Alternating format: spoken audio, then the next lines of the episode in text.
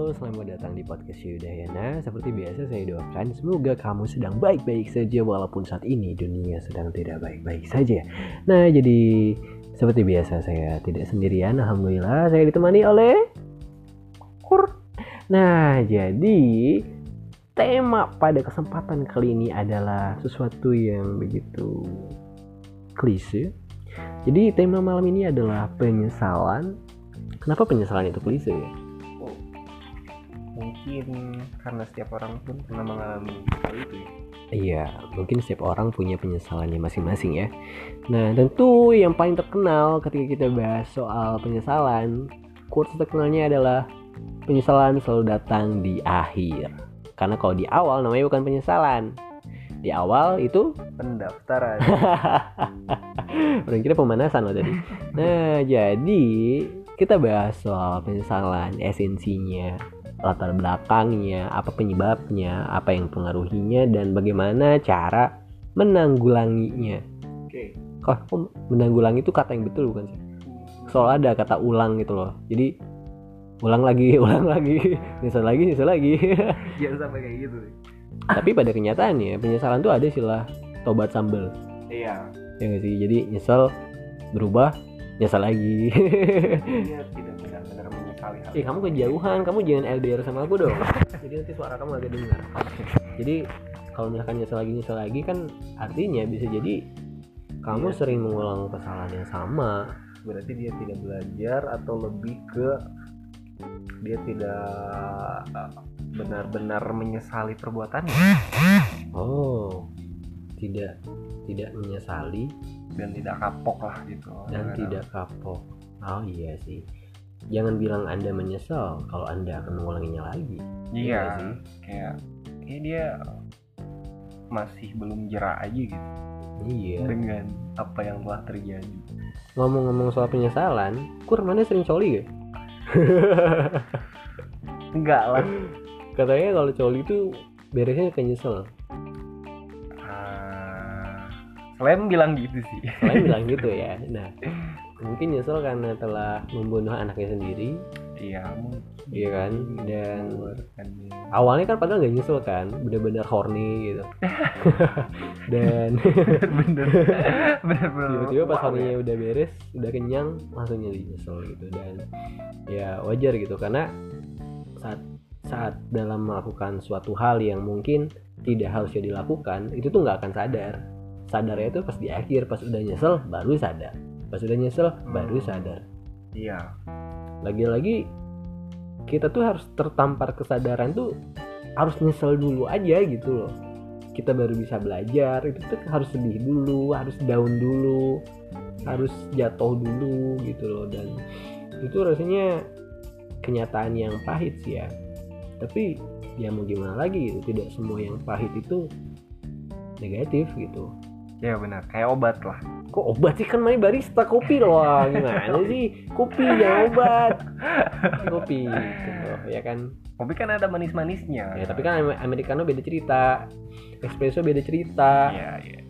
Ya kan? Jadi kopi itu loh. Jadi nikmatin aja seruput pelan-pelan gitu loh. Karena ya gimana ya? Kalau bicara soal penyesalan mah gitu. Mungkin saya juga nyesel gitu udah rekam podcast ini malam ini sama Pur gitu mungkin di akhir saya bakal nyesel gitu. Cuman ya sebenarnya saya lalui aja gitu. Kalau misalkan saya di akhir harus nyesel ya ya udah saya bakal Gak bikin podcast. Anjing nah gitu.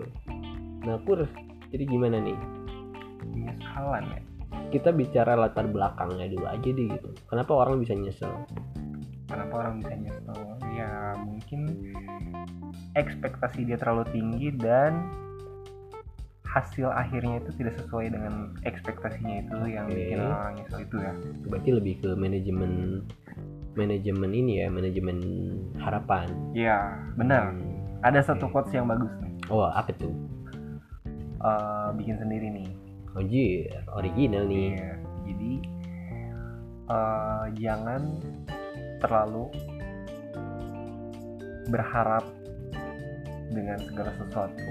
Karena dengan harapan yang tinggi kita akan kecewa. Tapi dengan adanya harap kita akan bergerak. Tapi dengan ada harapan kita akan bergerak. Ya.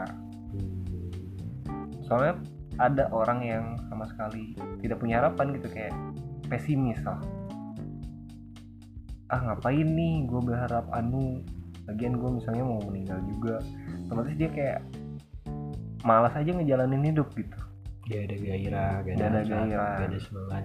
Ya jadinya kan dia malas ngapa-ngapain jangankan untuk orang lain tapi untuk diri sendiri pun dia malas untuk melakukan apa pun itu. Orang nggak bisa bayangin sih dalam artian apa artinya hidup gitu. Hmm. kalau misalnya hopeless lah. orang tuh gak, gak, gak tahu orang ini mau apa orang suka apa. Ya dan orang juga jadi ingat ini orang malah ingat quotes Squid Game. Apa? Tapi ini bukan lebih ke harapan sih lebih kepercayaan anda pada orang lain. Itu sih Hmm. pas si cewek itu loh. Jadi dia tuh mau diserang nih sama si preman. Ya. Teman dia sendirian kan. Terus datang si tokoh utama tuh si bapak-bapak.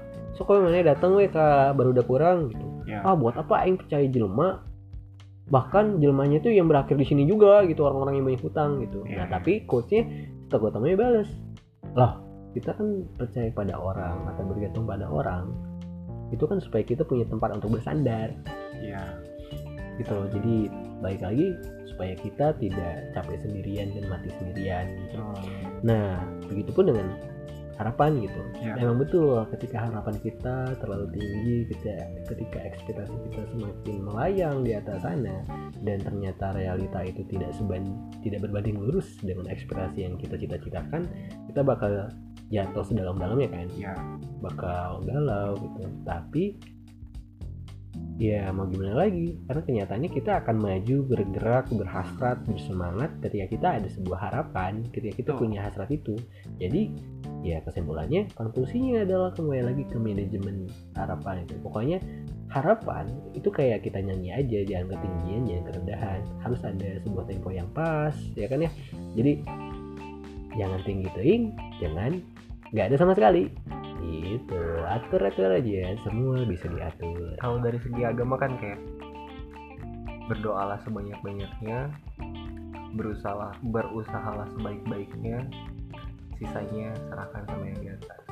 Iya betul sekali. Dan hmm, bicara soal penyesalan tadi ya mungkin latar belakangnya karena ini sebuah perasaan ya ya yang di mana perasaan adalah sesuatu yang memang kita rasakan dan harus kita rasakan melekat banget sama Iya, manusia melekat dan terikat gitu. Jadi ya udah, ketika kamu lagi penyesal, ya rasakan aja penyesalannya. ya rasakan, harus kita rasakan karena ini adalah perasaan ya kan, iya. perasaan yang diciptakan oleh Tuhan yang pasti ada alasannya kan. iya Dan ya kan, oh bukan- iya juga ya maksudnya penyesalan itu cuma bisa dirasain sama manusia iya. Mana pernah lihat gitu sih cicak gitu, anjing ini nyamuk terbang goblok gitu. Aing gimana cara makannya nih Aing cuman bisa di dinding gitu dia ngapung punya sayap gitu kan nggak pernah gitu Hmm. kenapa Aing lahir jadi cicak terus bunuh diri gitu potong ekor kan enggak kan dan nggak ada ya. Itu yang membedakan manusia dengan makhluk lainnya ya? Salah satunya penyesalan gitu. Oke. dan bukan cuman penyesalan gitu. Ketika tertawa ya lepas aja tertawa. Rasakanlah tertawa gitu. Hmm. ketika bahagia rasakan. Ketika lagi sedih rasakan gitu. Semua harus dirasakan jangan sampai lari dari dari perasaan sendiri gitu ya kan ya nah tapi balik lagi jangan berlebihan Iya, intinya itu aja segala sesuatu yang berlebihan itu tidak baik Nah, gitu. Itu mungkin kita bisa soal terbelakang. gitu. Hmm. Nah, lalu kan pertanyaannya gimana cara menghadapi rasa penyesalan ini? Oke nih harus kita rasakan. Anjing, aing pengen nyesel hari ini. Karena aing udah nyesel. Aing telah melakukan kesalahan. Baik lagi, intinya adalah kan kita butuh sebuah solusi nih. Penyesalan terjadi karena sebuah kesalahan Mhm. ya kan entah itu karena ya apa pun itu kesalahannya intinya kan gimana caranya kesalahan itu tidak terjadi lagi Iya, Ya tapi kan? dengan kesalahan kita bisa tahu jalan mana yang benar. ya betul Ketika kau tidak pernah salah, berarti kau tidak pernah mencoba. Itu quotes-nya siapa gitu siapa? ah orang malah ingatnya jadi ke sini kur jadi ketika lagi salah itu perumpamaannya kayak orang dari pahlawan mau ke Pascal nih. Nah dia nggak tahu jalan otomatis buka dong Google Maps. Belok kanan belok kanan belok kiri belok kiri. Set set set set, set. singkat cerita tiba-tiba bukannya nyampe di Pascal lo kok saya di Pasteur? Gitu kan. Akhirnya dia tahu kan aduh aku menyesal aku telah percaya Google Maps 100% aku apakan ya kesalahan ini? Oh aku evaluasi deh nah itu. Gitu ya. Evaluasi. Dan plot twistnya adalah berhari berlalu-lalu masih saja menyasar. Itu, itu emang contoh kasus kayaknya. Melekat ya. Kayak membahas seorang gitu yang gak asing gitu. Nah ya jadi intinya kan ketika kita ingin menghadapi penyesalan Mhm. kita pun akan terikat pada bagaimana cara kita menghadapi atau mengevaluasi masalah tersebut. Ya kan? Dan intinya capek sih jatuh ke lubang yang sama lagi dan Nah. lagi dan lagi dan lagi dan lagi dan lagi. Wah itu hal yang sangat apa ya? Kayak sangat membagongkan. Ya babi banget gitu. Capek gitu. Kan itu ah, di pernah dengar juga nih. Katanya ketika seseorang apa yang memberi kebaikan Kembali sama dengan hari yang sebelumnya itu orang-orang yang rugi Oh ya, barang siapa yang hari ini sama dengan hari kemarin, Nah, dia itu. adalah orang yang rugi. Barang siapa yang hari ini lebih buruk dari hari kemarin, dia adalah orang yang celaka. Dan barang siapa yang hari ini lebih baik dari hari kemarin, dia adalah orang yang beruntung. betul. Nah, oke gitu. Dan itulah cara menyikapi penyesalan. cara menyikapi penyesalan kalau orang pribadi sih. Eh, lebih ke harapannya itu. Jadi gimana ya? Berharap tapi ya udahlah gitu ya ketika tidak Ya udahlah ya, bukan ya udah yana. Oh, iya. Kita kan ya udah yana. Ya udah yana lah ya gitu. udah ya lah gitu. Iya. tinggal curhatin aja lah Menarik. jadi jangan terlalu berharap ya apalagi sama manusia Hmm. karena salah satu sumber kecewa adalah berharap sama manusia Iya. jadi lebih ke ya minimal berharap sama diri sendiri lah apa yang kita lakukan untuk diri apa yang kita Apa yang usahakan bisa, untuk gitu diri ya. sendiri Hmm. juga ya jangan terlalu bergantung sama orang lain karena menurut orang sih manusia itu makhluk yang paling susah ditebak gitu Mana bisa nebak orang nggak orang lagi mikirin apa sekarang? nggak bisa Ah, kalau mana tahu ya, sebenarnya orang lagi mikirin kopi. Tidak ada kopi ya, rasanya kering sekali dengan tenggorokan. Masih ada ya, air bening Iya, ada air. Air bening atau air putih nih? bening dong Oke. kalau putih itu kebalikannya hitam kalau bening itu transparan Abu-abu ada? abu-abu ada Apa tuh? yang kecampur sama bahan-bahan yang warna abu Logika yang menarik. Ada lagi yang mau disampaikan? hmm, apa lagi ya Sebelum anda saya bunuh malam ini, kata-kata terakhir ada? ya dari penyesalan ya biasanya orang-orang yang menyesal itu Adalah adalah orang-orang yang hmm, setengah jalan setengah jalan. Jadi dia jalannya satu kaki.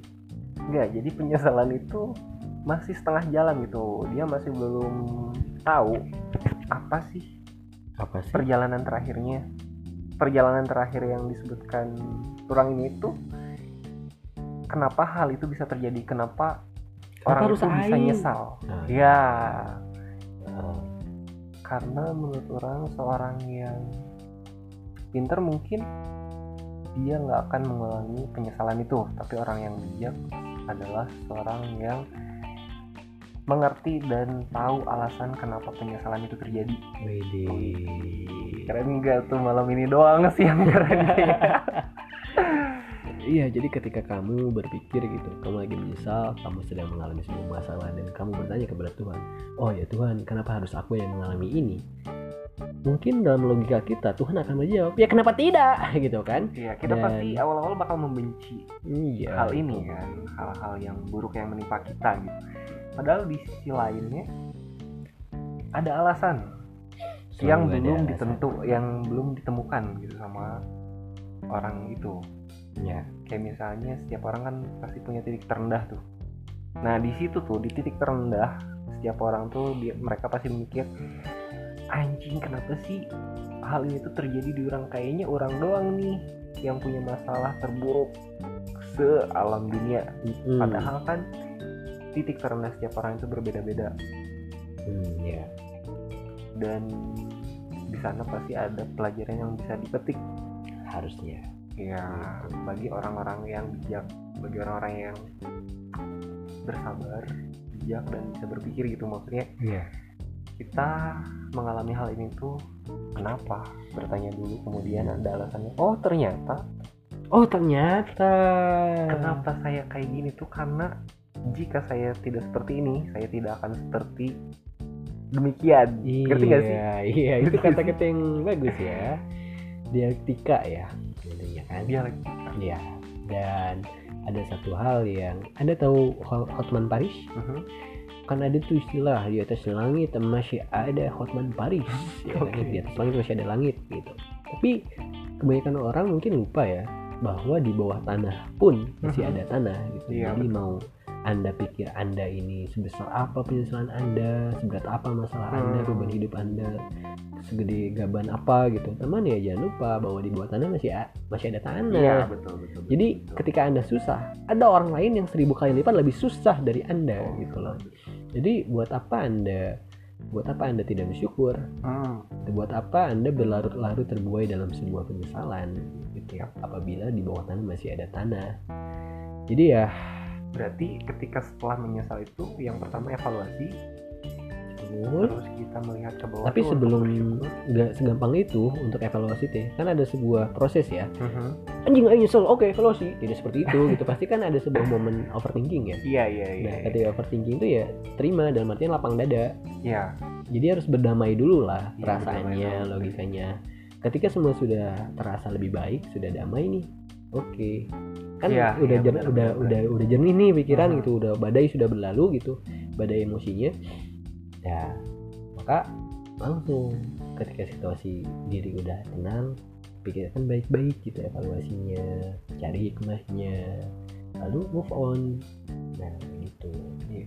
Ya kan ya? terus yang terakhir sih mungkin harus mengikhlaskan apa yang telah terjadi Iya, betul.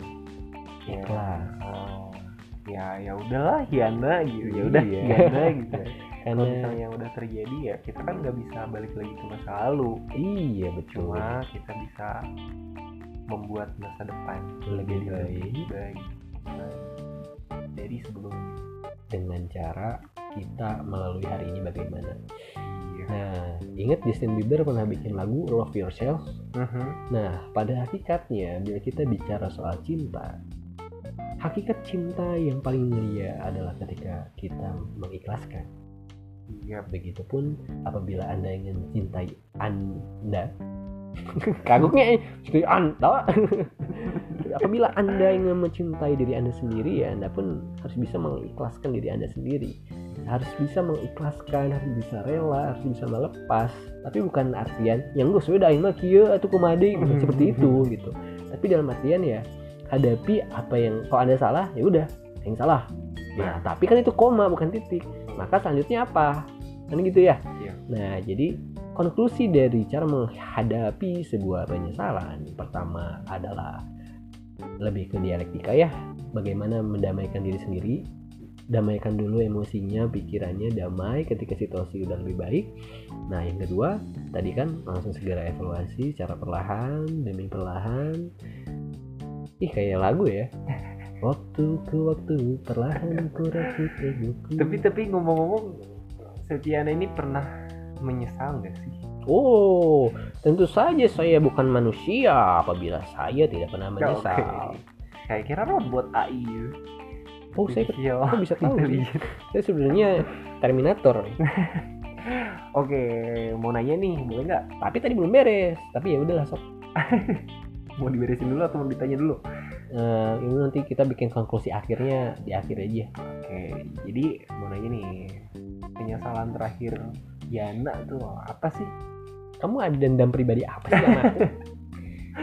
Penyesalan terakhir saya itu adalah ketika kemarin saya dua hari yang lalu saya itu begadang bikin podcast salah satunya. Oke. besoknya saya interview ke sana kemari kerja capek tuh otomatis logikanya pas malam tidur bakal gampang Hmm. ya kan ya karena saya capek tuh udah mau kemarinya begadang hari siangnya capek ke Hmm. sana kemari malamnya ketika saya capek dan saya tidur ternyata saya cuma tidur sekian jam adalah dua jam atau tiga jam Hmm. saya bangun karena tiba-tiba lapar ya kan akhirnya Oke. sepiput mesen roti bakar beres roti bakar kan kenyang tuh Hmm. saya tidak tidur tapi saya malah baca komik dan bablas sampai pagi Oke. lalu ketika saya tidur paginya saya baru bangun maghrib Oke. jadi saya tidur jam. 6 pagi bangun maghrib lalu saya misal itu gitu ada banyak waktu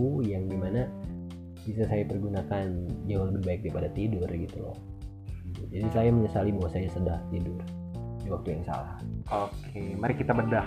Oh, bedah nih. Ada pisaunya? Bukan di bedah di belek ya. Oke. Jadi kita kayak eh, bahas segmen per segmen gitu dari mulai awalnya apa kerja tuh kan Inter- apa interview Awalnya bikin podcast tuh, bikin podcast gadang, gadang akhirnya telat tidur, akhirnya tak tidur tidur kurang, terus besoknya capek tuh bangun, Hmm. harus interview, harus ke perpus, harus ya naik motor ke sini sini, ke sana sini, Iya. terus harus jemput ke Kircon, terus harus ke situ, cuman tidak jadi karena hujan. penyesalan Setiana ini gara-gara tidur di waktu yang salah Hmm.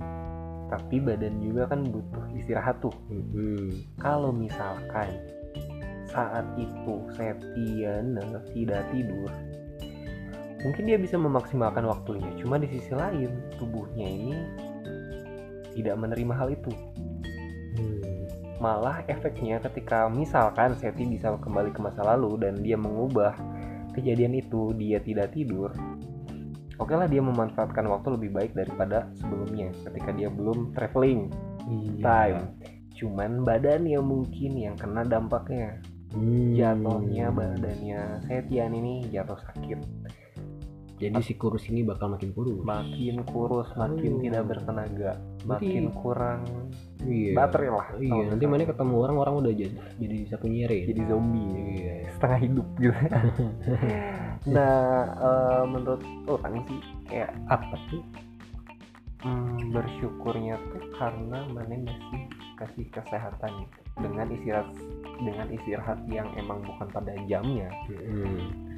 itu mungkin kondisi badan mana yang emang lemah dan di situ butuh istirahat nah buat evaluasinya bukan berarti mana harus istirahat terus gitu kayak gitu dengan meng- mengorbankan banyak waktu tapi memanage waktu yang sebelum-sebelumnya terjadi Oh, jadi bukan waktu yang orang korbankan, tapi komik tadi yang orang korbankan ya. bisa Iya kan, entah ya? itu komiknya atau Hmm. entah itu memanage waktu yang lainnya jadinya lebih efektif lebih efisien jadi si badan itu ya beristirahatnya di waktu yang tepat Aduh, terima kasih Kur atas diskusi ini.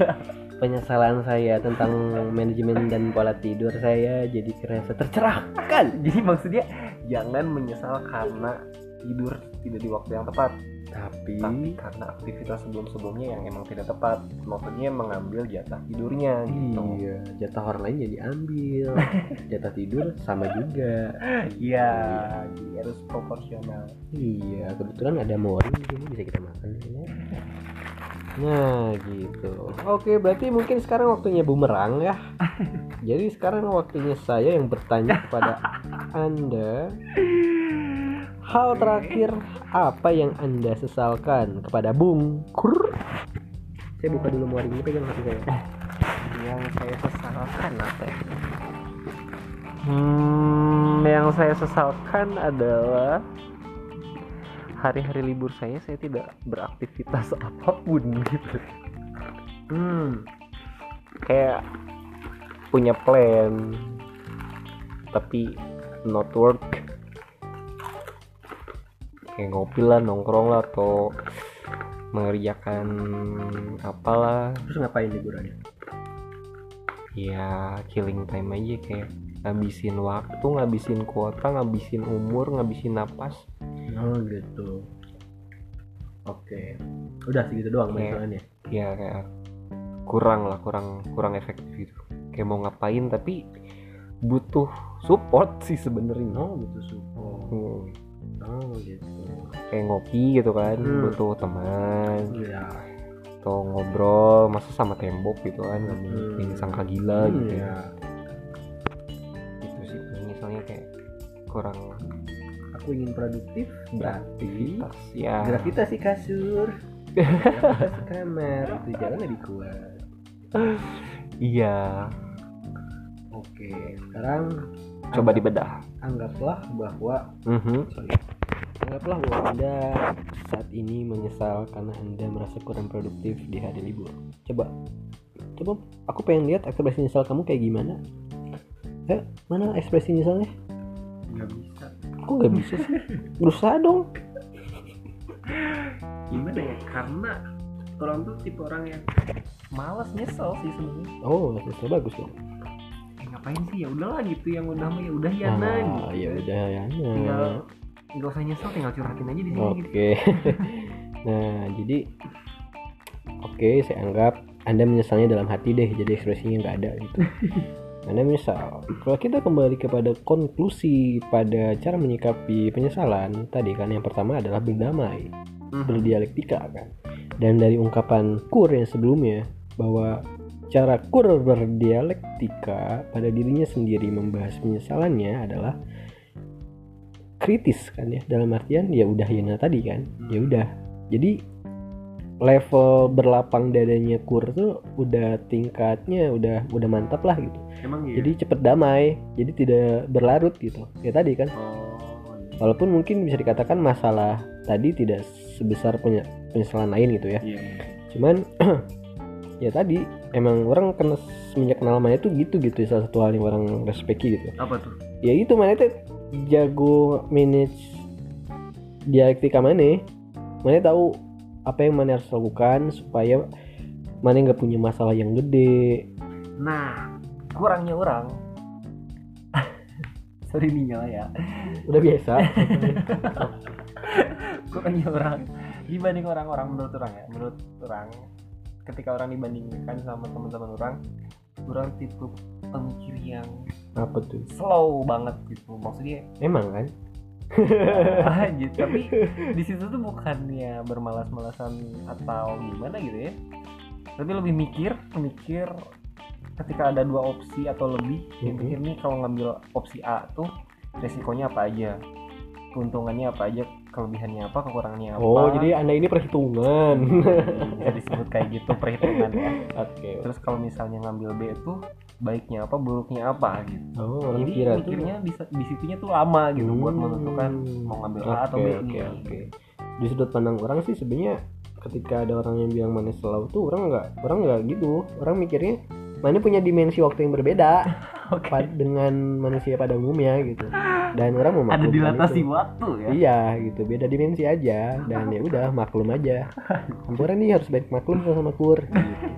Nah kembali kepada konklusi tadi, jadi itu kalau kurma kan tadi cepet tuh dialektikanya gitu, tidak mungkin tidak selama kebanyakan orang beres kan dialektika. Lo kan evaluasi tuh. Hmm. Nah pertanyaannya, nggak semua orang itu serius ketika evaluasi atau introspeksi diri. Jadi kayak cuman sekilas aja. Oh ya udah, Aing tahu berarti Aing kalau lagi libur, Aing butuh support system. Oh berarti Aing butuh baturan. Oh, udah. Jadi hanya sebatas dalam ide aja. Tapi kan selain ide itu ada realita ya, Hmm. atau dalam artian ada ide, ada eksekusi. Iya. Apa artinya sebuah ide bila tidak dieksekusikan? Hmm. kita udah tahu nih evaluasi nih kita udah tahu apa yang salah kita udah tahu apa yang harus diperbaiki gitu cuman tahu doang tuh nggak cukup makanya kan ada tahapan dari tahu dari, dari tahu kok jadi tahu dari tahu bukan tempe dari tahu jadi mengerti tahu jadi mengerti mengerti jadi paham paham jadi sadar. Nah proses sadar itulah yang menjadi sebuah energi untuk eksekusi. Jadi itu yang penting dalam evaluasi itu tahu dulu apa yang salah apa yang harus diperbaiki dari tahu kan jadi mengerti. Mhm. oh iya iya iya. Berarti yang harus, harus berubah. Jadi paham kan? Dari paham akhirnya jadi sadar.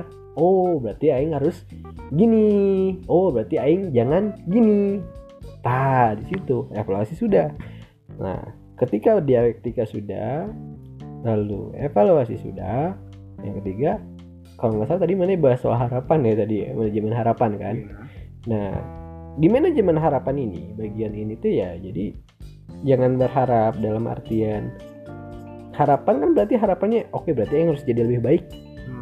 oke berarti aing kos pas lagi libur aing harus lebih produktif nah itu harapannya kan ya Iya. ya udah cukup sampai situ jangan sampai anjing ayo harus perfeksionis. Nah ini tuh yang bahaya tuh. Aing nggak boleh telat. Anjir aing harus lebih cepat. Anjir aing harus ganteng. Anjir aing nggak boleh berewokan atau Kok jadi ya apa pun itulah pemikiran-pemikiran perfeksionis gitu.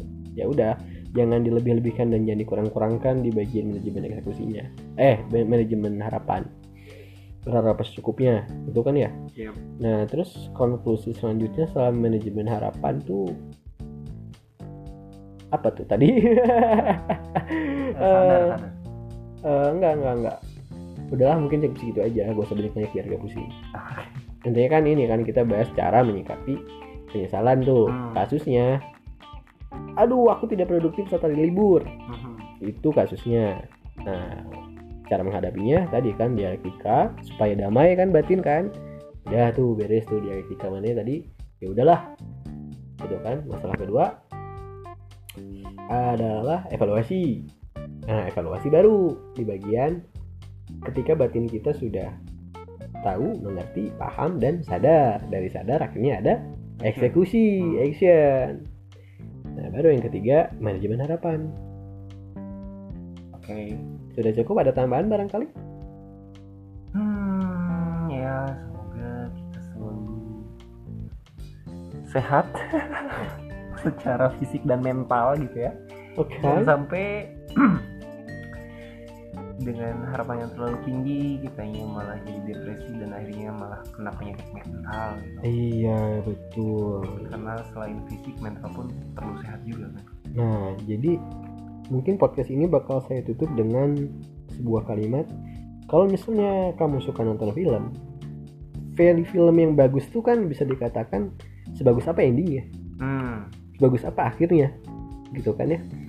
Dan sebenarnya bukan cuma endingnya doang kan di tengahnya gimana awalnya gimana. Cuman kan kita bakal makin respect sama sebuah film ketika endingnya tuh wah banget gitu. Amazing banget. Begitupun dengan hidup kita gitu. Bisa Hmm, jadi kan iya, iya, hidup kita tuh tergantung ending kita tuh kita tuh pengen ending yang kayak gimana kan. Iya.